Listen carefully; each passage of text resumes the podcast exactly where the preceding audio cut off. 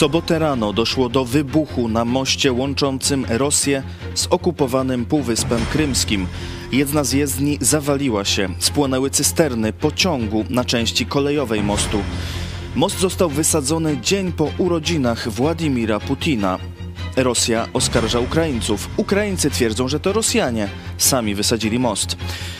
Wczoraj Rosjanie ostrzelali rakietami budynki mieszkalne w Zaporożu. Dziś rakiety spadły na miasta Dniepr, Lwów, Tarnopol, Kijów. Równocześnie posuwa się kontruderzenie sił ukraińskich. Rodziny rosyjskich oficerów uciekają już spod Hersonia na Krym. Z kolei Rosjanie z Krymu tłoczą się w kolejkach do promów. Putin naciska na Łukaszenkę, by włączył się w wojnę, a na Bałtyku szwedzka wyspa Bornholm została odcięta od prądu prawdopodobnie wskutek przecięcia podmorskiego kabla. Jak wysadzenie mostu krymskiego wpłynie na losy wojny? Czy nowy dowódca wojsk rosyjskich będzie trudniejszym przeciwnikiem? Kiedy Ukraina odzyska Krym? Cezary Kłosowicz, idź pod prąd na żywo. Zapraszam. Jesteśmy.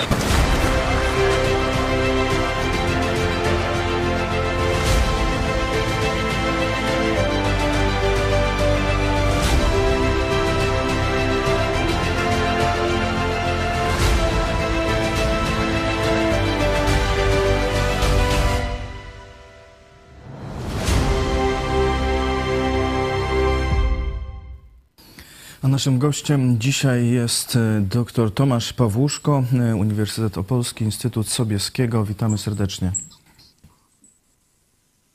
Dzień dobry panie redaktorze, dzień dobry państwu.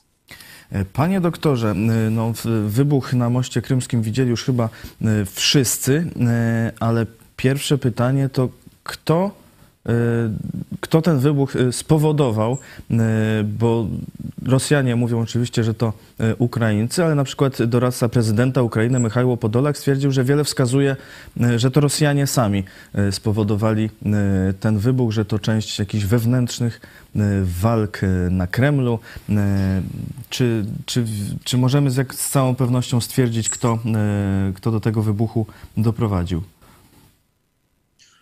Myślę, że nie możemy. Y, znaczy, tutaj zawsze jest taka zasada, że zrobił ten, kto zyskał, a tak naprawdę ten, kto miał motyw. I tutaj widzimy, że kilka organizacji czy y, osób może nawet mogło mieć taki motyw, bo jedyne, co wiemy na pewno, prawie na pewno, to jest to, że była to ciężarówka, która jechała gdzieś z Bułgarii, należąca do azerskiego y, kierowcy, który prowadził ormiańsk lekko brzmiące nazwisko, też inny kierowca, e, po czym ta ciężarówka przeszła przez kontrolę skorumpowaną prawdopodobnie rosyjską i wybuchła na e, moście. I nie wiadomo, czy tam nie było żadnych dodatkowych ładunków, ponieważ no, jezdnia obok jest cała, a mm, tory kolejowe, które są kilkanaście metrów dalej, e, też zostały zniszczone. Także to było bardzo, to było bardzo dziwne.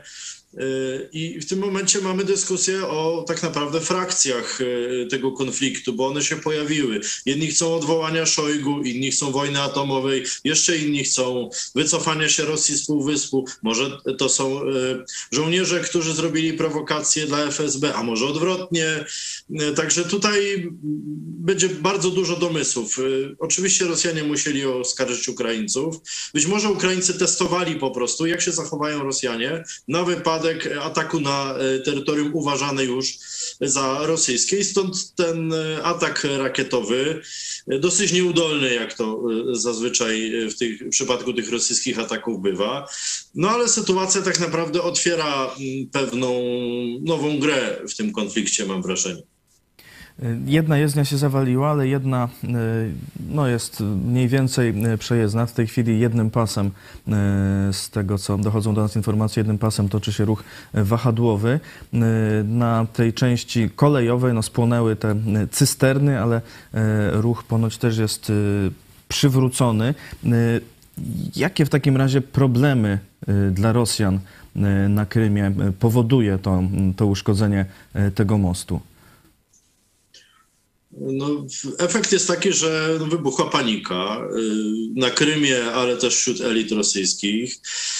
Coraz więcej osób dowiaduje się, że Rosji w tej wojnie nie idzie, bo nawet jeśli to zrobili Ukraińcy, a nawet Rosjanie, to i tak kontrola tę tą ciężarówkę na most wpuściła. A nawet jeśli tam była jeszcze jakaś łódeczka z dronem kamikadze, która uderzyła w pociąg, bo trudno, to, nie mamy relacji wideo, nie mamy relacji satelitarnej, więc tak naprawdę pozostajemy w sferze domysłów, to i tak pokazuje pewną słabość Rosjan. To jest atak na głębokie terytorium uważane już za rosyjskie, w zasadzie na most, na obieg infrastruktury krytycznej, wychwalany przez Rosjan, praktycznie w dzień urodzin Putina. Y, także to jest y, no, takie uderzające w prestiż władz rosyjskich przede wszystkim, bo to nie było typowo, mm, to nie jest frontowe miejsce, prawda? Żołnierze tutaj nie, nie uderzyli jakimiś czołgami, statkami, prawda? Ukraińcy nie mają też prawdopodobnie nadal artylerii Atakams która umożliwia ataki na dystansie 300 kilometrów. Więc y, wygląda to na operacje służb specjalnych, tylko pytanie, których. No, y, i, I to na pewno jest kłopotliwe dla y, Rosjan. Próba ataków rakietowych na obiekty cywilne, no, tego się można było spodziewać. Ja myślę, że to też nie rozwiązuje dla Rosjan tego problemu, bo kogoś trzeba będzie obwinić, tutaj Ukraińcy się szybko wycofali z tego entuzjazmu. E, tak jak tu pan redaktor powiedział, to jest kilkukilometrowy korek na Krymie. W, tym był mm, przynajmniej w ostatnich godzinach, teraz nie wiem jak jest. Także to jest sytuacja cały czas, y, która mówi, że Rosjanie są w defensywie. E, na Krymie ludzie, e, jak donoszą media, wykupują e, paliwo, żywność, już dochodzi do reglamentacji, bo się spodziewają, no, że te dostawy, które szły przez ten most, będą no, co najmniej utrudnione. Te w tej chwili no, kolejki do promów, tak też turyści, którzy tam byli, chyba już nie chcą więcej zwiedzać Krymu, ale z kolei na Krym uciekają rodziny rosyjskich wojskowych, e, choćby z Nowej e, Kachowki, e, czy uciekający przed tą kontrofensywą ukraińską. Jakie są szanse, że, czy w jakiej perspektywie czasowej możemy się spodziewać, że Ukraińcy dojdą do Krymu od północy? No, będzie Ukraińcom trudno to zrobić. Myśmy tutaj zastanawiali się na początku września, czy będą w stanie Ukraińcy odbić Hersoń we wrześniu, ale w międzyczasie zajęli się Charkowszczyzną i odnieśli sukcesy gdzie indziej, więc też ta ekonomia sił jest ograniczona. Pamiętajmy, że Ukraińcy mają trochę zachodniego sprzętu, ale to jest e, w takiej ilości homeopatycznej do uderzeń punktowych. E, tak więc Ukraińcy też potrzebują e, efektu zaskoczenia, żeby Rosjan szybciej wypierać. A jeśli teraz będziemy mówić o tym, że oni wejdą już na Krym, no to Rosjanie się po prostu do tego przygotują. E, został około nam miesiąc intensywnych walk o w miarę dobrej pogodzie. Wprawdzie prognozy mówią, że dobra pogoda utrzyma się aż do stycznia, no ale pamiętajmy, że tu mówimy o Polsce, no, na Ukrainie jest trochę zimniej, trochę bardziej klimat taki kontynentalny. E, więc tam te działania wojenne potrwają jeszcze te masowe miesiąc, półtora, e, może do końca listopada, a później e, spadnie śnieg i obie strony będą się okopywać. Tak więc wydaje mi się, że być może Hersoń będzie tym takim głównym punktem gdzie Ukraińcy chcieliby zako zakończyć tą kampanię jesienną, chyba że po prostu obrona rosyjska się rozsypie, bo w ostatnich dniach widzieliśmy natarcie ukraińskie z ogromną przewagą liczebną, typu jeden rosyjski pułk otoczony przez kilka ukraińskich brygad. Y, I te jednostki rosyjskie są rozciągnięte, są mniejsze, y, więc to, że rozpoczęli y, ewakuację ludności rosyjskiej, czy przywiezionej tej ludności z ukraińskich miejscowości, świadczy o tym, że mają świadomość, że nie będą w stanie utrzymać E, tych miejscowości, e, a też i posiłki z Rosji nie nadchodzą, bo ta e, mobilizacja, która, którą Putin zarządził, udała się jedynie częściowo, nawet jeśli ci ludzie tam trafią, oni nie będą przygotowani do walk z weteranami ukraińskimi tak naprawdę. Więc to sytuacja jest bardzo dynamiczna. Ja bym powiedział, że Ukraińcy są w stanie odzyskać Hersoń, ale nie w wyniku bitwy, tylko po prostu Rosjanie zaczną się z niego wycofywać. Chociaż tutaj pan redaktor we wprowadzeniu wspomniał o nowym rosyjskim dowódcy. To jest tak zwany syryjski rzeźnik y, i myślę, że ten człowiek, y, no Rosja w tej chwili potrzebuje zbrodniarza, który będzie zastraszał ludność. Ja myślę, że on będzie w stanie doprowadzić do takiej sytuacji w Chersoniu jak w Mariupolu, y, albo po prostu powie, że będzie mordował ludność, jeśli Ukraińcy się nie wycofają.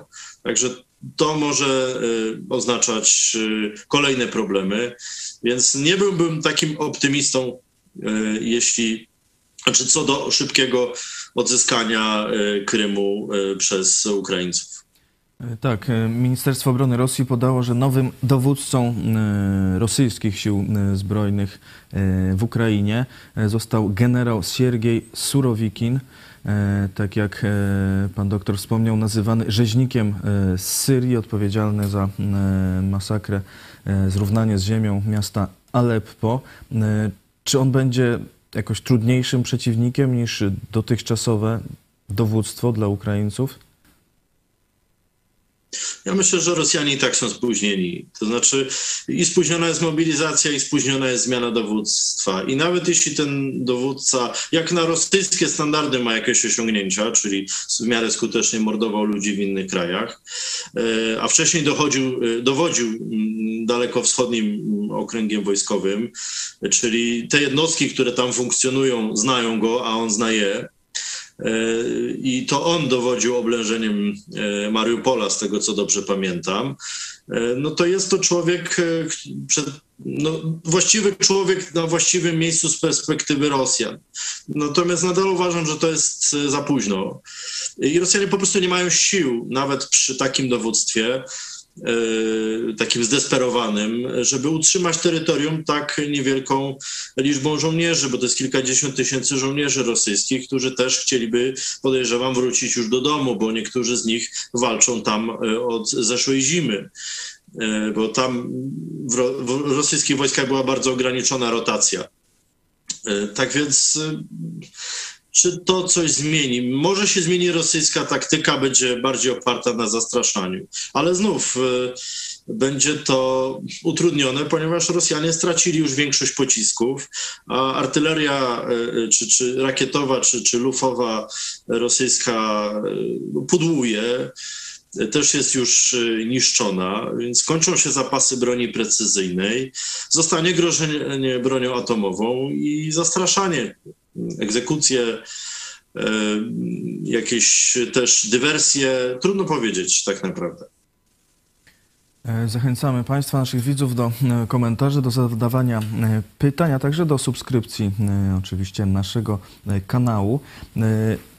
Jakie mamy informacje właśnie o tym, jakie jeszcze rezerwy czy zapasy sprzętu, ludzi czy amunicji mają Rosjanie i Ukraińcy. Czy, czy tu możemy jakoś określić, komu wystarczy na dłużej? Mamy ograniczone informacje. Znaczy, Rosjanie przez lata informowali, że sprzętu mają mnóstwo, rzeczywiście mają go mnóstwo. E, tylko jeśli oni już kilka miesięcy temu zaczęli wysyłać na front e, czołgi z lat 60., to znaczy, że coś jest nie tak e, z tym systemem logistycznym, systemem mobilizacji, bo może być też tak, że te wojska, które były szkolone na dalekim rosyjskim wschodzie, po prostu nie znają nowszego rosyjskiego sprzętu, który był specjalnie specjalnie rezerwowany dla tego zachodniego okręgu wojskowego, najbardziej prestiżowego, e, tego stojącego pod Moskwą, frontem do NATO. E, I jeśli większość rosyjskich żołnierzy w Ukrainie to są żołnierze tak naprawdę z republik tych federacyjnych, daleko wschodnich, no to ci żołnierze byli wyposażeni przez lata w stary sprzęt i ten stary sprzęt widzimy na zdjęciach. To jest sprzęt z magazynów, jest go bardzo dużo. On po odkonserwowaniu y, również może służyć, natomiast y, taki sprzęt nie jest y, już w tym momencie przeciwnikiem dla sprzętu ukraińskiego. To jest w ogóle sukces strony ukraińskiej, że przez tyle miesięcy udało się Ukraińcom zachować lotnictwo, śmigłowce, e, czołgi, e, zdobyć sporo czołgów, pozyskać trochę czołgów od Polaków, Czechów i tak dalej. E, także dochodzą do nas informacje, że na samej linii frontu Ukraińcy tego sprzętu mają więcej. No i też więcej żołnierzy, bo Ukraińcy zmobilizowali już na początku konfliktu łącznie około 700 tysięcy ludzi, i był problem ze sprzętem, prawda, że nie mają tyle tego sprzętu. E, a z kolei Rosjanie przeprowadzili tą mobilizację dopiero we wrześniu. Wcześniej próbowali mobilizować, zachęcać, ściągać e, wojska rosyjskie z baz e, w Kaliningradzie, w Tadżykistanie, na Kaukazie, gdzieś w innych krajach OUBZ. Tak więc widać, że przez jakiś czas gonili resztkami kadrowymi tych wojsk operacyjnych. No i teraz niewiele im zostało, tylko musieli ogłosić mobilizację, tylko że ta mobilizacja też jest chaotyczna. Jeśli wojsko zawodowe nie dało rady, to ja wątpię, żeby piekarze, kierowcy i aptekarze dali radę zwłaszcza, że no, sama informacja o przeprowadzeniu tej mobilizacji e, spowodowała panikę, ucieczki, ucieczkę setek tysięcy ludzi z Rosji, więc widzimy, że Rosjanie głosują nogami i to nie jest tak, że masowo tą e, wojnę popierają. To jest dobra wiadomość dla Ukraińców. No i Ukraińcy są u siebie, także zawsze mogą wymieniać wojska, mogą te wojska rotować mogą zapewnić bezpieczeństwo ludności też na swoim terytorium. Natomiast Rosjanie muszą się liczyć z partyzantką, z rakietami, z dronami kamikadze i tak dalej. No w końcu nie są u siebie, są okupantami. No i chyba już nie ma Rosjanina, który by uważał inaczej, mam wrażenie. E, jeszcze dopytam o e, rezerwy ukraińskie. Pan Jarosław Wolski twierdzi, że w najbliższym czasie Ukraińcy mają wrzucić do walki 20 brygad y, pancernych, zmechanizowanych czy zmotoryzowanych i jeszcze zostaje im y, drugie tyle y, obrony terytorialnej. Czy to są aż tak duże siły? Prezydent Żeleński jeszcze w okolicach początku lata mówił, że Ukraina szykuje milionową armię. I to było oczywiście taka zapowiedź trochę buńczuczna, po to, żeby uzyskać więcej sprzętu od partnerów zachodnich, ale nie ulega wątpliwości, że naprawdę te wojska były tam szykowane. Znaczy i tak Ukraińcy muszą się szykować na ewentualne włączenie Białorusi E, do wojny. Ja myślę, że to byłaby katastrofa dla Białorusi, bo po prostu te wojska zdezerterują białoruskie, powiedzą, że to nie jest ich wojna, ale mimo wszystko e, e, Ukraińcy muszą trzymać kilkadziesiąt tysięcy żołnierzy na zachodzie i północy z tego powodu. No i mamy ten sprzęt zachodni, który no, był zbierany od dłuższego czasu w celu właśnie dokonania takiej przełamującej kontrofensywy na te silniej umocnione stanowiska rosyjskie. Ukraińcy wiedzą dokładnie, gdzie to jest. Mają kilka wariantów działania tutaj. 20 brygad to jest około 60 tysięcy żołnierzy, więc to jest taka pancerna pięść, e, która może mm, pozwolić Ukraińcom na przykład odbić cały region w dwa tygodnie. Y, pod warunkiem, że Rosjanie nie stawialiby zbyt dużego y, oporu. Także to jest też sukces Ukraińców, że byli w stanie przez tych parę miesięcy zachować tyle wojsk y, zmobilizowanych, przeszkolonych, wyposażonych. I to też świadczy o słabości Rosjan, że nie byli w stanie temu zapobiec, ani nie byli w stanie zrobić żadnej dywersji. I też zorientowali się dopiero we wrześniu, że muszą zrobić mobilizację, bo pewnie też dowiedzieli się dopiero po nie w czasie, że Ukraińcy mają dodatkowe siły. E, no to optymistyczne e, informacje, ale jest jedno miejsce, gdzie e, to Rosjanie posuwają się naprzód. Mam na myśli Bachmut. Tam rosyjskie wojska podchodzą pod miasto. Dlaczego akurat tam? Czy to jest jakieś szczególnie ważne miejsce dla Rosjan, czy po prostu akurat tam y, no, ta obrona ukraińska jest słabsza? No, Rosjanie próbują zdobyć Bachmut od wielu miesięcy, także nawet jeśli go zdobędą, to nie będzie żaden sukces. Po prostu potrzebują propagandowego sukcesu, że y, ukraińska ofensywa na wschodzie została złamana, bo proszę popatrzeć, zdobyliśmy Bachmut. E, także jest, jest to jakaś opcja dla Rosjan, natomiast e, działania ofensywne Rosjan skończyły się w tym regionie wraz z zajęciem Siewierodoniecka i Lisiczańska. Także to nie jest e, dobra wiadomość dla Rosjan, bo jeśli są w stanie zająć tylko jedno miasto po tylu sukcesach Ukraińców, no, nie są w stanie kontratakować.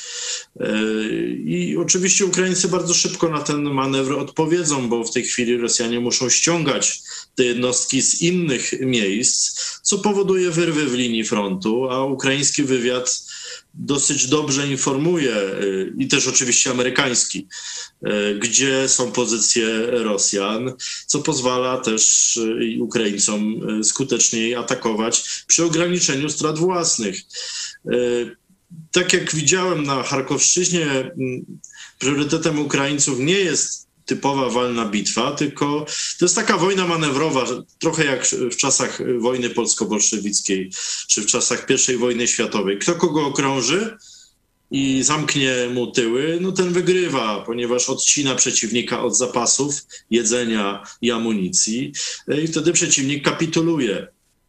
E, a wojska ukraińskie, no tutaj, jak dotąd, od czasów tej ofensywy, od początku tej ofensywy, bo już minął ponad miesiąc, Rosjanie nie odzyskali praktycznie żadnego terytorium, które wcześniej zdobyli. E, cały czas tracą, w tej chwili w Chersoniu, e, w okolicach Hersonia oczywiście. Także nie, nie sądzę, żeby byli w stanie kontratakować. Tak z powodu szczupłości sił, e, tak i z powodu takiego, że Ukraińcy odwracają co chwilę uwagę Rosjan na innym odcinku. A że tych sił rosyjskich jest mało, no w końcu któreś słabsze ogniwo pęka i muszą się wycofywać. Tak to do tej pory wyglądało. E, myślę, że tak będzie to wyglądać nadal, bo nie widzę, żeby Rosjanie szykowali jakiś nowszy sprzęt, nowsze oddziały, czy e, rotowali tymi oddziałami w jakiś skuteczny sposób. E, wygląda to tak, jakby no, część sił skupiała się po prostu na okupacji i nie miała czasu ani środków, żeby walczyć. No, zauważmy, te ataki z dzisiaj czy, czy z wczoraj, no to są ataki rakietowe. To nie jest natarcie, to nie jest e, atak siłą żywą. E, to jest po prostu zastraszanie ludności, bo widocznie nie mają po prostu Ukraińcy innych, przepraszam, Rosjanie innych argumentów na polu walki. Mamy pytania od naszych widzów. E, dziękujemy e, Wam bardzo.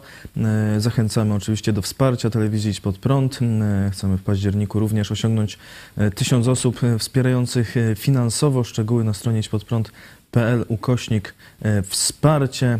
Wsparcie można przekazać przez PayPal, DotPay, Blik, Patronite i przelew bankowy.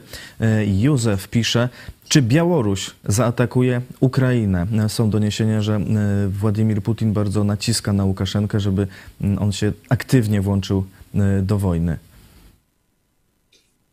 E, panie redaktorze, ja powiem tak. No Białoruś nie ma sił do walki z Ukraińcami. Białoruś ma 40 tysięcy wojsk lądowych, z czego spora część tych żołnierzy nie nadaje się do walki to są wojska jeszcze szkolone w stylu takim, można powiedzieć, radzieckim, a Łukaszenka nie miałby żadnych korzyści z rozpoczęcia tej wojny. Co więcej, mógłby sporo stracić, bo to jest utrata przecież żołnierzy, którzy wspierają reżim. Mogłoby się to skończyć rewoltą, puczem. E, I Rosja nie mogłaby pomóc Łukaszence, bo sama ma e, siły związane w Ukrainie. Ja to postrzegam jako objaw desperacji Władimira Putina po to, żeby doprosić jedynego sojusznika, który w regionie jeszcze Rosjanom został, żeby również płacił daninę krwi na te rosyjskie plany y, mocarstwowe. Myślę, że Łukaszenka jako stary lis się na to nie nabierze i będzie kluczył. A nawet jeśli jakieś wojska y, y, białoruskie zostaną włączone do sił rosyjskich za jakiś tam dobry żołd, to i tak będą uciekać, bo, bo to nie jest po prostu ich wojna. Białorusini doskonale wiedzą, że w kolejce mogą być następni. Łukaszenka wie, że osłabiony Putin e, jest też dla niego dobrą opcją Oczywiście to oznacza też, że Rosja będzie w mniejszym stopniu dotować białoruski reżim, ale no, to jest taka sytuacja, w której Łukaszenka trochę nawet zyskuje E, bo on też może powiedzieć Putinowi: Słuchaj, ja nie mam takiej władzy jak ty, mnie mogą obalić. Ja tu miałem protesty dwa lata temu. E, ta Cichanuska i, i pozostali opozycjoniści tylko czekają, żeby przejąć władzę. E, także to będzie bardzo ryzykowne. A wiemy, że tam Rosjanie nie są w stanie za bardzo na tym odcinku frontu pomóc y, y, Białorusinom. No proszę sobie wyobrazić, że armia białoruska atakuje Kijów.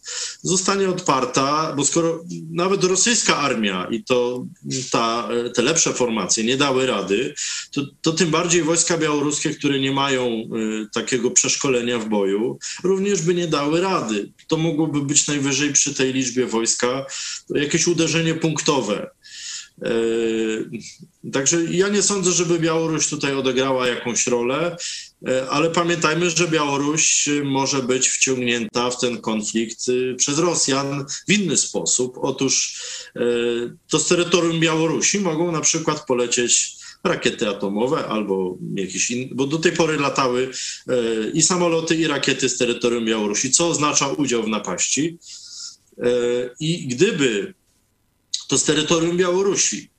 E, wykonano jakiś atak nuklearny na jakąś pustą przestrzeń albo na, jakieś, na jakąś rzekę, tak żeby nie było e, zbyt wiele ofiar, tylko żeby wywołać efekt przestraszenia u elit ukraińskich i, i zachodnich, e, no to mogłoby to być z terytorium Białorusi.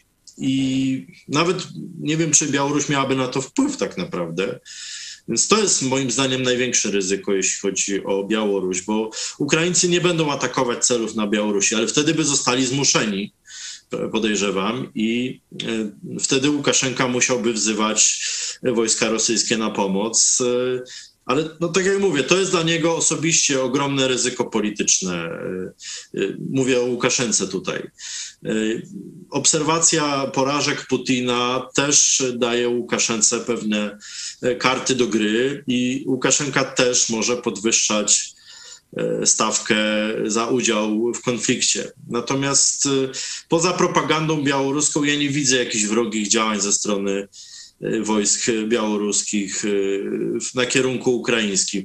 To raczej Ukraińcy już kilkakrotnie mówili, że są gotowi na wypadek przyjścia Białorusinów, co też na pewno demotywuje dowództwo białoruskie. E, tym bardziej, że wielu Białorusinów e, poszło walczyć po stronie Ukraińców, a inni e, wykonywali sabotaż choćby na kolei białoruskiej, która świadczyła usługi dla Rosji. Także no, nie byłoby pewnie łatwo Łukaszence znaleźć chętnych E, do walki po stronie e, Rosji. E, wspomniał pan doktor o możliwym ataku atomowym w, w jakieś puste miejsce. Czy taki atak byłby skuteczny w sensie wiem, politycznym, psychologicznym, czy, czy tu Ukraińcy by się według pana doktora przestraszyli, czy może Zachód by się przestraszył i jakoś naciskał na zakończenie walk? Cóż, myślę, że w tej sprawie też Rosjanie są spóźnieni. Znaczy, tak długo straszyli, że no niewiele osób się już tym przejmuje.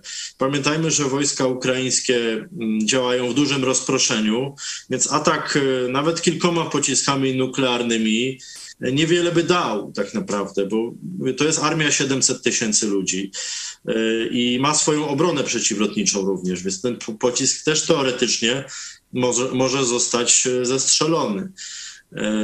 I, I, to jest też dla Rosjan kłopot. Pytanie, czy ten pocisk by zadziałał. Rosja, by nie, Rosja nie robiła prób nuklearnych od 90 roku, jeszcze w czasach sowieckich, więc mogliby to zacząć robić jako stopień eskalacji kolejny, czyli przeprowadzić próby nuklearne na terytorium Rosji, gdzieś na poligonie na Syberii.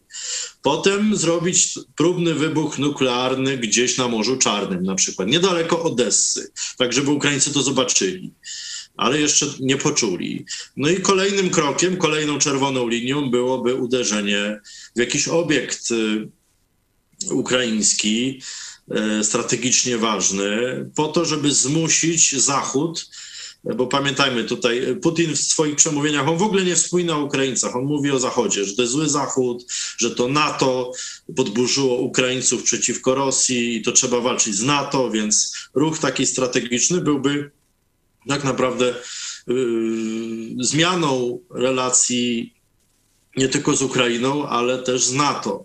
Ale Rosjanie do tego musieliby złamać swoją doktrynę nuklearną z 20 roku, bo w tej doktrynie nuklearnej są cztery przypadki, kiedy Rosja e, tą broń może użyć. Generalnie jest to mm, uderzenie na terytorium Rosji albo e, atak na terytorium Rosji lub sojuszników Rosji, jakichś sił. E, I ten warunek militarny nie został spełniony, ani jeden, ani drugi, ani pozostałe.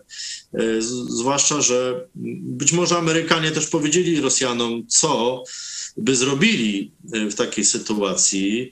Ja myślę, że najbardziej radykalnym ruchem Amerykanów w takiej sytuacji e, to byłoby jednostronne przywrócenie memorandum budapeszteńskiego e, w takiej formie, że Amerykanie przekazują Ukrainie na przykład 10 pocisków nuklearnych. Oczywiście nadal pod kontrolą amerykańską. I wtedy Rosjanie by musieli się zastanawiać, czy Ukraińcy tej broni z zemsty nie użyją. E, także to jest taki wariant, który mógłby mm, jakby ręce Amerykanom e, rozwiązać w tej sprawie, bo na razie Amerykanie i NATO zachowują się e, bardzo zachowawczo, ostrzegają, mówią, że to jest czerwona linia. No trudno powiedzieć, dlatego wspomniałem o tych kilku etapach użycia tego typu broni E, przez Rosjan. E, wspomniałem też, że czynnik wojskowy tutaj nie jest decydujący. Kluczowe będą czynniki psychologiczne, czyli chęć zastraszania, albo czynniki polityczne, czyli obawa Putina przed utratą e, władzy albo przed ośmieszeniem. Więc to też dla rosyjskiego przywódcy, kiedy zda sobie sprawę, że sondaże mu nie sprzyjają, bo jednak na pewno takie sondaże w Rosji są robione, analizowane zachowanie ludności, wypowiedzi na social mediach. Także e, rosyjski wywiad na pewno wie, co się w samej Rosji dzieje, lepiej od nas. E, I pytanie, czy Putin te informacje dostaje? Jak, co on wie? Jakie jest e, spektrum decyzyjne na Kremlu? No tego niestety nie wiem. Frank Martin na czacie pisze, że Orkistan się e, rozpadnie. Czy, taka, czy to jest jakaś realna możliwość, że Rosja by się rozpadła? Czy odpadłyby jakieś kolejne republiki? Czy, czy nie wiem, czy na przykład wiem, Chińczycy by weszli na Syberię korzystając z okazji? Czy, czy takie scenariusze są możliwe? Pamiętam w 2019 roku w Akademii Sztuki Wojennej zrobiliśmy taką debatę na temat scenariuszy na przyszłość i wtedy jeden z ze specjalistów, z analityków, bodajże nieżyjący już Targalski, e, mówił, że Rosja się rozpadnie za pięć lat. I wszyscy się z tego śmialiśmy. Natomiast jak sam robiłem we wrześniu badania wśród dyplomatów, e, wojskowych, analityków, dziennikarzy, profesorów, e, kilkudziesięciu łącznie, to ten scenariusz rozpadu Rosji był brany pod uwagę generalnie już y, w opinii naszych ekspertów. Y, natomiast no to jest, póki co to jest takie wishful thinking, to jest takie pobożne życzenia, czyli chcielibyśmy, ale nie mamy na nic takiego wpływu, a od samego y, jakby no, mieszania łyżką herbata nie stanie się słodsza. Ja bym może powiedział tak, istnieje kilka scenariuszy, bardzo poważnych zmian geopolitycznych w regionie. To może być E, nadal rozpad Ukrainy, to może być rozpad Białorusi, upadek Łukaszenki, to może być rozpad e, Rosji albo jakiś pucz na Kremlu, to jest wszystko możliwe. Po prostu nie wiemy, kto pociąga za sznurki w tamtych środowiskach. Nie wiemy, czy ci przywódcy są zdrowi, czy są chorzy. Czy może być zamach na Putina, a może być na Żałęskiego cały czas.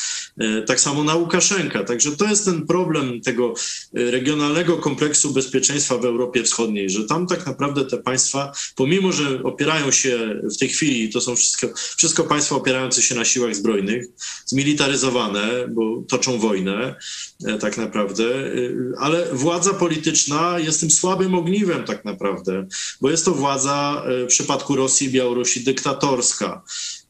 A mm, zazwyczaj dyktatorzy tego typu nie szykują sobie następców. Z kolei w przypadku Żeleńskiego zawsze może dojść do jakiejś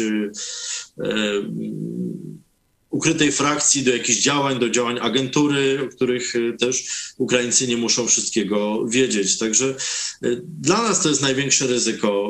Rozpad państwowości któregokolwiek z tych państw, bo w sytuacji, w której Polska wciąż ma niewiele do powiedzenia e, w, w świecie Zachodu, to byłoby sytuacja dla nas też bardzo problematyczna. Tak? No, oczywiście polskie elity by do tego e, z radością podeszły, że oto, proszę bardzo, otwiera się Eldorado na wschodzie, e, ale ja bym nie był taki radosny z tego powodu. Część ekspertów mówi tak, Ewentualny rozpad Rosji to byłaby katastrofa, bo powstanie kilka państewek, niektóre będą miały broń atomową, będą toczyć ze sobą wojny.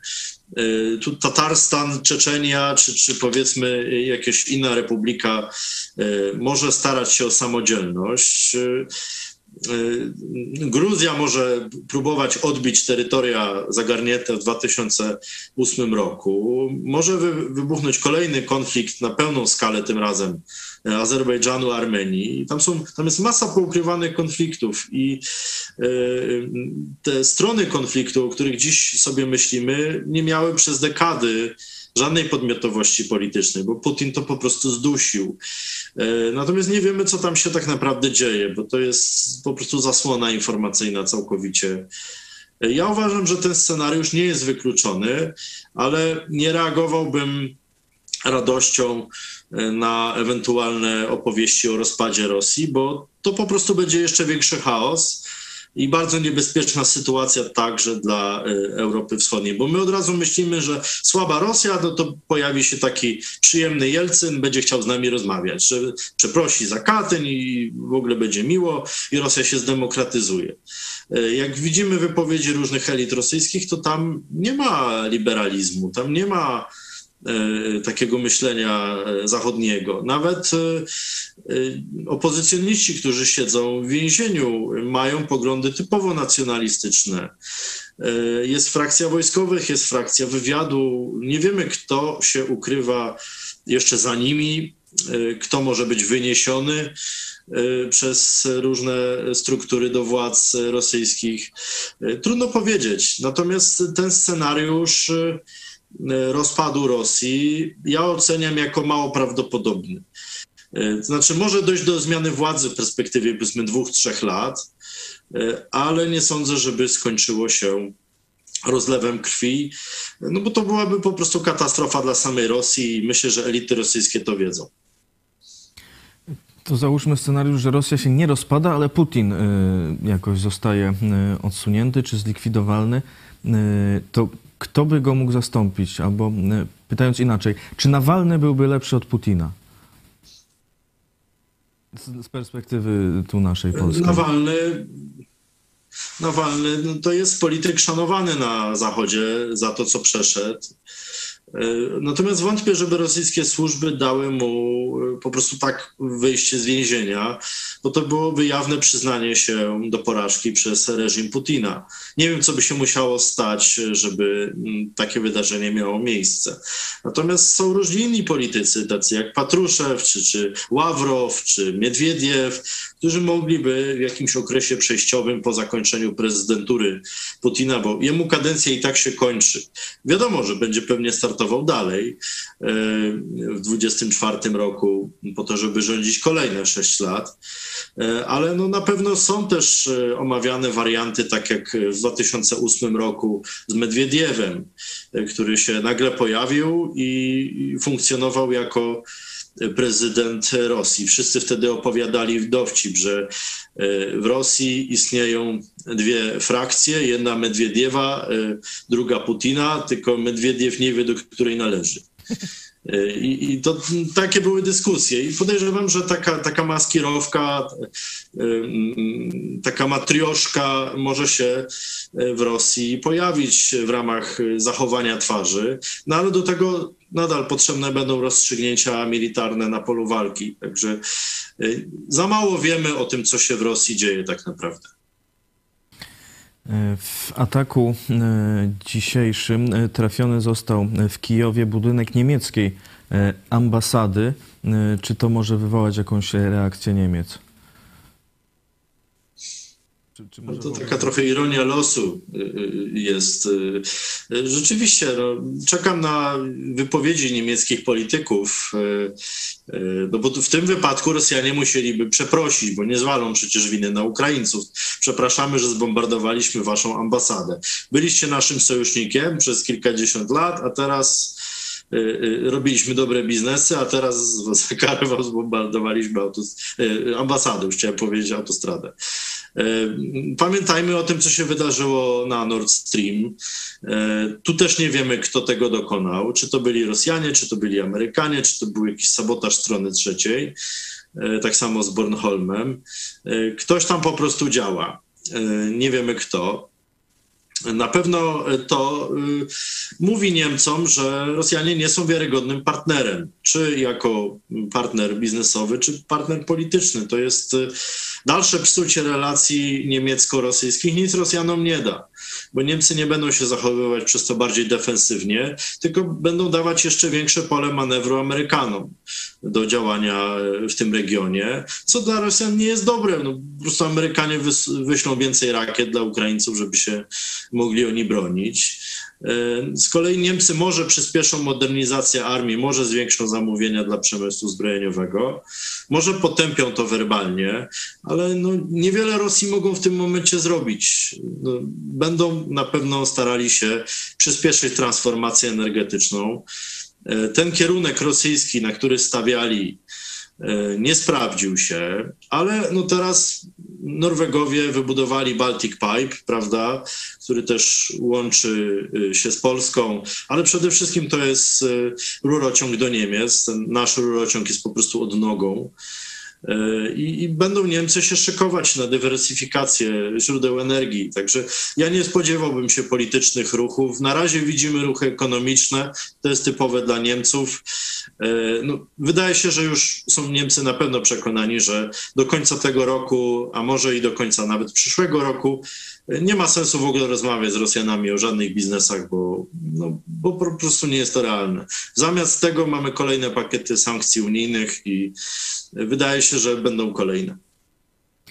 Jeszcze wracając do Białorusi, uzupełnię tu informację, bo e, dzisiaj podają media, iż Aleksandr Łukaszenka zapowiedział uruchomienie regionalnego zgrupowania wojsk Rosji i Białorusi na terenie Białorusi. E, jak powiedział Łukaszenka, Formowanie tego zgrupowania rozpoczęło się i trwa już od dwóch dni. Wydałem rozkaz, by przystąpić do formowania tego zgrupowania, którego podstawą jest armia e, Białorusi.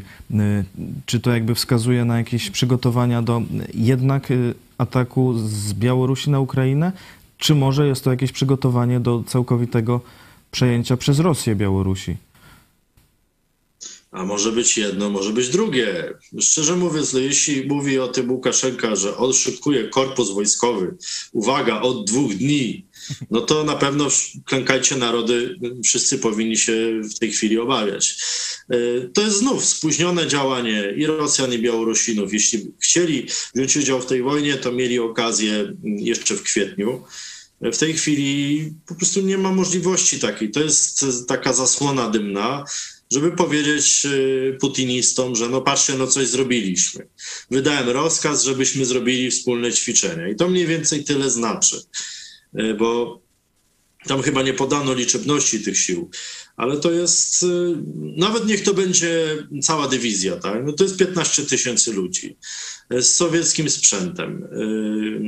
Nie są w stanie, moim zdaniem, wyrządzić żadnych szkód y, Ukraińcom, ani nie są w stanie niczego zdobyć tak, tego typu wojskami. Natomiast, tak jak powiedziałem wcześniej, ja się obawiam jakichś ataków y, artyleryjskich y, na odległość być może nawet atomowych, ze strony tego typu zgrupowania, bo to jest po prostu sposób na przemycanie rosyjskich wojskowych, rusyfikację białoruskiego wojska, które no, to, I to jest trzeci problem. Może być po prostu pilnowane, żeby się nie zbuntowało przeciwko Łukaszence. Może to jest ruch Łukaszenki po to, żeby tych kornobrnych oficerów, o których wywiad mu doniósł, że knują, e, albo że popierają Cichanuską, albo e, jeszcze tam kogoś innego, żeby tych właśnie oficerów wrzucić do korpusu z Rosjanami, żeby ich e, rosyjscy politrucy odpowiednio poinstruowali, jak się zachowywać.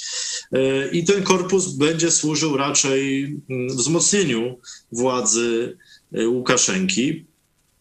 E, chyba, że, tak jak pan redaktor mówi, to jest kolejna matrioszka i ten, tego typu korpus e, złożony z Rosjan i zbuntowanych Białorusinów będzie w stanie obalić Łukaszenkę.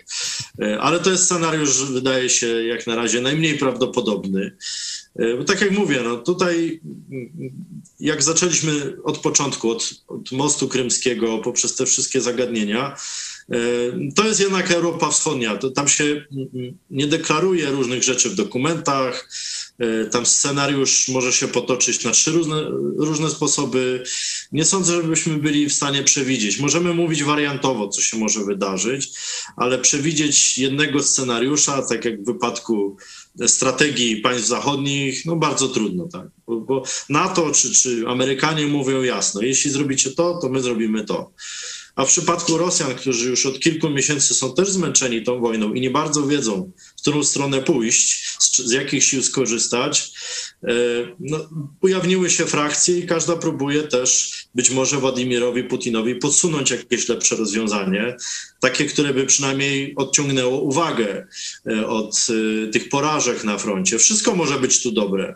Może być to zabójstwo polityka, może być to utrata generała. Wszystko, co zajmie uwagę opinii publicznej na 2-3 dni i da Rosjanom trochę oddechu na przemyślenie różnych innych operacji, o których wiemy lub nie wiemy, że prowadzą. Także ja jestem sceptyczny, ale jeszcze przed wybuchem wojny, przypomnę, mówiłem, że e, dużo łatwiejszym celem dla Rosjan byłaby Białoruś, bo Białorusi, bo Łukaszenki nikt by nie bronił. Rosjanie by po prostu weszli i mieli granicę z Polską e, od razu. Natomiast wiadomo było, że Ukraina będzie się bronić i uważam, że ta kalkulacja Rosjan z perspektywy realizacji ich interesów y, była błędna, żeby zaatakować y, Ukrainę. Przynajmniej nie tymi środkami, nie w ten sposób. No ale widocznie tutaj wywiad rosyjski popełnił błędy. Doniesiono Putinowi, że Żołański ucieknie, że to będzie tak jak Janukowycz, mm, tylko wystarczy postraszyć. Y, no i przeliczyli się.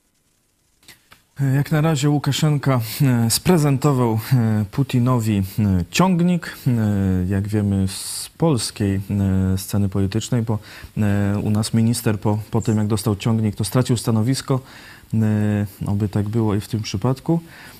Natomiast na koniec chciałbym jeszcze zapytać właśnie jaka powinna być polityka Polski e, teraz wobec Ukrainy w dłuższym terminie. No teraz no to sprawa jest dość prosta, no po, pomagamy e, tak jak e, możemy, a jak to w, rozegrać w, w dłuższej perspektywie?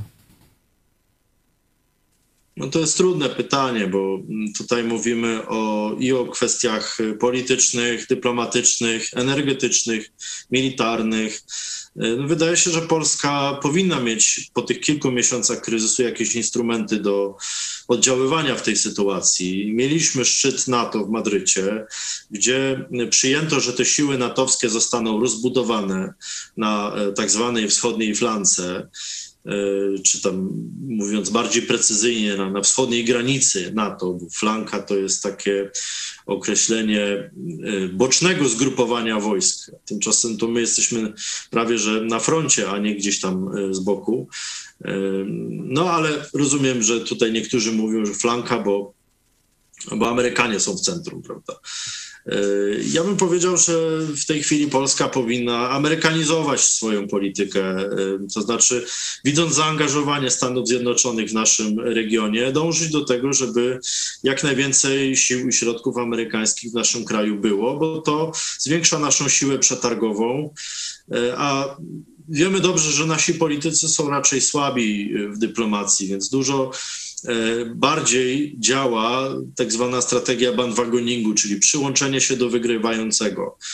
Amerykanie w tej chwili wygrywają na tym konflikcie, upokarzają troszeczkę Rosję poprzez te i sankcje, i wspieranie Ukrainy, ukraińskiego wojska. No i oczywiście Polska powinna dbać o tą doktrynę ULB, czyli wspierać e, właśnie Litwę, opozycję na Białorusi e, i Ukrainę przeciwko rozszerzaniu się wpływów e, Rosji. Mam wrażenie, że trochę to zaniedbaliśmy, że od czasów ogłoszenia Partnerstwa Wschodniego polskie elity nie były zbyt aktywne na wschodzie, bo tak Ukrainą byli wszyscy znużeni i, i zawiedzeni, że oni się tak wolno reformują. Łukaszenka był nie do ruszenia. E, do tego no, Litwa tak naprawdę czy inne kraje bałtyckie zaczęły się orientować na Skandynawię i Niemcy. E, więc Polska stwierdziła, że no, skupia się na grupie wyszehradzkiej, która z kolei de facto się rozpadła. Także ja powiem tak, mamy moment, takie okno możliwości, moment wyzerowania się wielu tematów. Potrzebna będzie jednolita narracja polityczna, czy to obecnego czy, czy przyszłego rządu, ktokolwiek go stworzy. E, ja uważam, że polityka zagraniczna jest czymś ponadpartyjnym i przydałyby się jednak zebrania e, e, wspólne deklaracje polityków rządu i opozycji wobec tych kluczowych problemów, wobec odbudowy Ukrainy, wobec wsparcia. Tymczasem no, nie dzieje się dobrze, jeśli no, i wojsko, i, i, i obywatele, i opozycja dowiadują się o zakupach zbrojeniowych y, na miliardy złotych Twittera, prawda? Y, czy, czy inne tego typu sytuacje. Na pewno przykład ukraiński, jeśli chodzi o bezpieczeństwo wewnętrzne, uczy nas, że ważna jest obrona cywilna, ochrona ludności. Tak? Tymczasem co się w Polsce dzieje? W kwietniu zlikwidowaliśmy obronę cywilną. Tak? Ustawa o obronie ojczyzny zlikwidowała E, ustawę o powszechnym obowiązku obrony, gdzie była obrona cywilna, czyli te wszystkie obiekty typu schrony, typu zapasy, typu e, rezerwy materiałowe, to wszystko tak naprawdę w tej chwili funkcjonuje w luce prawnej. Jest projekt ustawy o ochronie ludności nowy, gdzie mają być wprowadzone nowe, niekonstytucyjne stany nadzwyczajne, takie jak stan pogotowia i stan zagrożenia, gdzie premier będzie mógł sobie, tak jak w czasie COVID-a, zamknąć gospodarkę, e, zainstalować w smartfonach aplikację rządową i wymuszać od ludności różne datki. Także to jest bardzo niebezpieczny projekt. E, uważam, że nie wyciągamy właściwie wniosków e, z tej obrony, z tej ochrony ludności na Ukrainie, bo tam widzimy, są ataki rakietowe i co robi ludność? Idzie do schronów. E, kto z Państwa, którzy nas oglądają, wie, gdzie ma schron w swojej miejscowości najbliżej? Tych schronów prawie nie ma. Tak, mamy kilkanaście tysięcy schronów e, dla około 2% ludności. Ten system cały jest e, w zasadzie zburzony. I nowy projekt ustawy też nie mówi, kto ma się tym zająć. Nowy projekt ustawy mówi, że ma się tym zająć Straż Pożarna. A Straż Pożarna, jak na Ukrainie widzimy, zajęta jest gaszeniem pożarów i ratowaniem ludzi z płonących budynków. Więc nie będzie Straż Pożarna jeszcze budować bunkrów, schronów, e, dbać o zaopatrzenie ludności, dbać o ewakuację pierwszego, drugiego, trzeciego stopnia. E, także dla nas, podsumowując, bo trochę już długo gadam, e, powinniśmy tak wzmocnić jedno, taki ponadpartyjny przekaz, dotyczący dyplomacji i zacząć reformować e, sektory e, ochrony ludności, także tej obrony niemilitarnej, e, zadbać o też modernizację zasobów. No w tej chwili mamy trochę cyrk z węglem i, i z różnymi, i z zaopatrzeniem ludności w ciepło na zimę, to pokazuje, że państwo polskie trochę działa tak pulsacyjnie, że jest problem, to staramy się go na bieżąco rozwiązać, ale nie mamy rozwiązań systemowych. I moim zdaniem no, to jest duży problem. Całe szczęście Ukraińcy walczą trochę tą wojnę za nas, ale my też powinniśmy przepracować wnioski z tej wojny dla naszego e, systemu bezpieczeństwa. Nie widzę jak na razie, żeby to było robione. E, no i to jest problem. E, oby się to e, zmieniło. E, mam wyniki naszej sondy z czatu i z Twittera. Czy po wysadzeniu mostu krymskiego Ukraina odzyska Krym, to 43% na czacie. Czy Rosja przeprowadzi zmasowany atak, 46%. Czy nie będzie skutków dla wyniku wojny? 12% naszych widzów na czacie. Na Twitterze nieco inne wyniki, bo że Ukraina odzyska Krym ponad 60%, e, zmasowany atak Rosji to 30% e, i brak skutków dla wojny to niecałe 9% Twitterowiczów. Dziękujemy za udział w tej ankiecie. Za chwilę pomyśl dziś pastora Chojeckiego, czy Glapiński i Kaczyński ratują czy niszczą Polskę. I kartka z kalendarza Piotra Setkowicza, bitwa pod Maciejowicami, a dziś o 18 zapraszamy na program pastora Dawidowicza gdzie jesteś, czyli psycholog o zagubieniu i o tym, jak sobie z nim e, radzić. Zachęcam jeszcze raz do e, wspierania telewizji Idź Pod Prąd, szczegóły na stronie idźpodprąd.pl ukośnik wsparcie i do kontaktu telefonicznego pod numerem 536 813 400 35. Dziękuję Państwu bardzo za uwagę i dziękujemy naszemu gościowi, dr Tomasz Pawłuszko, ekspert bezpieczeństwa międzynarodowego Uniwersytet Opolski.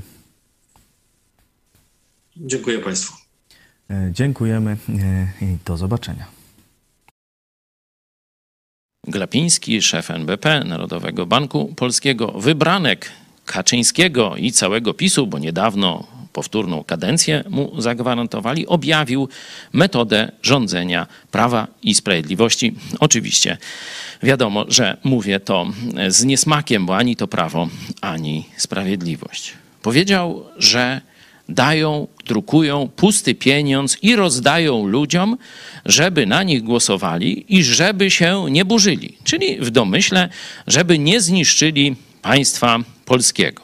Podsumowując, Rząd socjalistyczny, katolicko-socjalistyczny Prawa i Sprawiedliwości podnosi podatki niemiłosiernie, zwiększa koszty pracy, ubezpieczenia społeczne, produkuje inflację, które, która zżera oszczędności i powoduje drożyznę. I wszystko to jest w imię ratowania państwa. Tak oni nam mówią. A co mówi Słowo Boże? Otwórzcie sobie najbardziej polityczną, chyba szczegółową księgę Pisma Świętego, księgę przysłów albo przypowieści króla Salomona. I tam w 29 wersecie, 29 rozdziale, w czwartym wersecie czytamy: Kto ściąga wiele podatków, niszczy kraj. Macie odpowiedź Boga. Co robi banda Kaczyńskiego, Morawieckiego i Glapińskiego? Niszczą Polskę.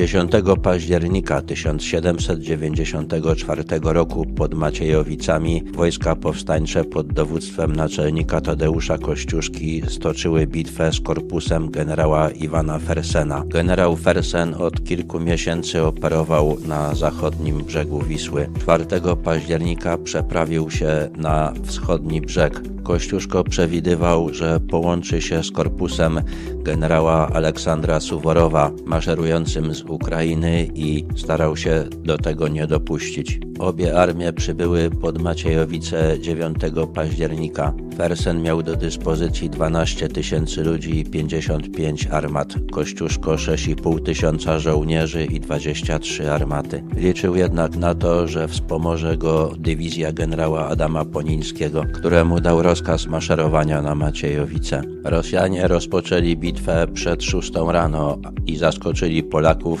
przechodząc przez bagna. Około 12 przełamali polski front i łatwo odparli kontratak kosynierów. To rozstrzygnęło o wyniku bitwy. Kościuszko próbował uciec, dołączając do oddziału jazdy, który jednak kozacy doścignęli i zmasakrowali. Sam naczelnik został ciężko ranny. Rosjanie opatrzyli go, ale uznali, że i tak na pewno umrze. Jednak przeżył. Poniński na czele swojej dywizji dotarł na pole bitwy, gdy była już rozstrzygnięta. Objął dowództwo nad niedobitkami wojsk Kościuszki i wycofał się do Warszawy. Kościuszko obwiniał za klęskę Ponińskiego. Pod jego wpływem powszechnie uznawano, że Poniński okazał niesubordynację lub nawet zdradził. Pod ciężarem tych oskarżeń generał załamał się psychicznie. Dopiero później zauważono, że Kościuszko wydał rozkaz Ponińskiemu za późno i ten nie był w stanie go wykonać. Skutkiem bitwy pod Maciejowicami było załamanie się powstania. Przed nią generał Fersen oceniał, że Polacy będą walczyli przynajmniej do wiosny i zastanawiał się, gdzie przezimować. Powstanie jednak upadło zanim nastała zima.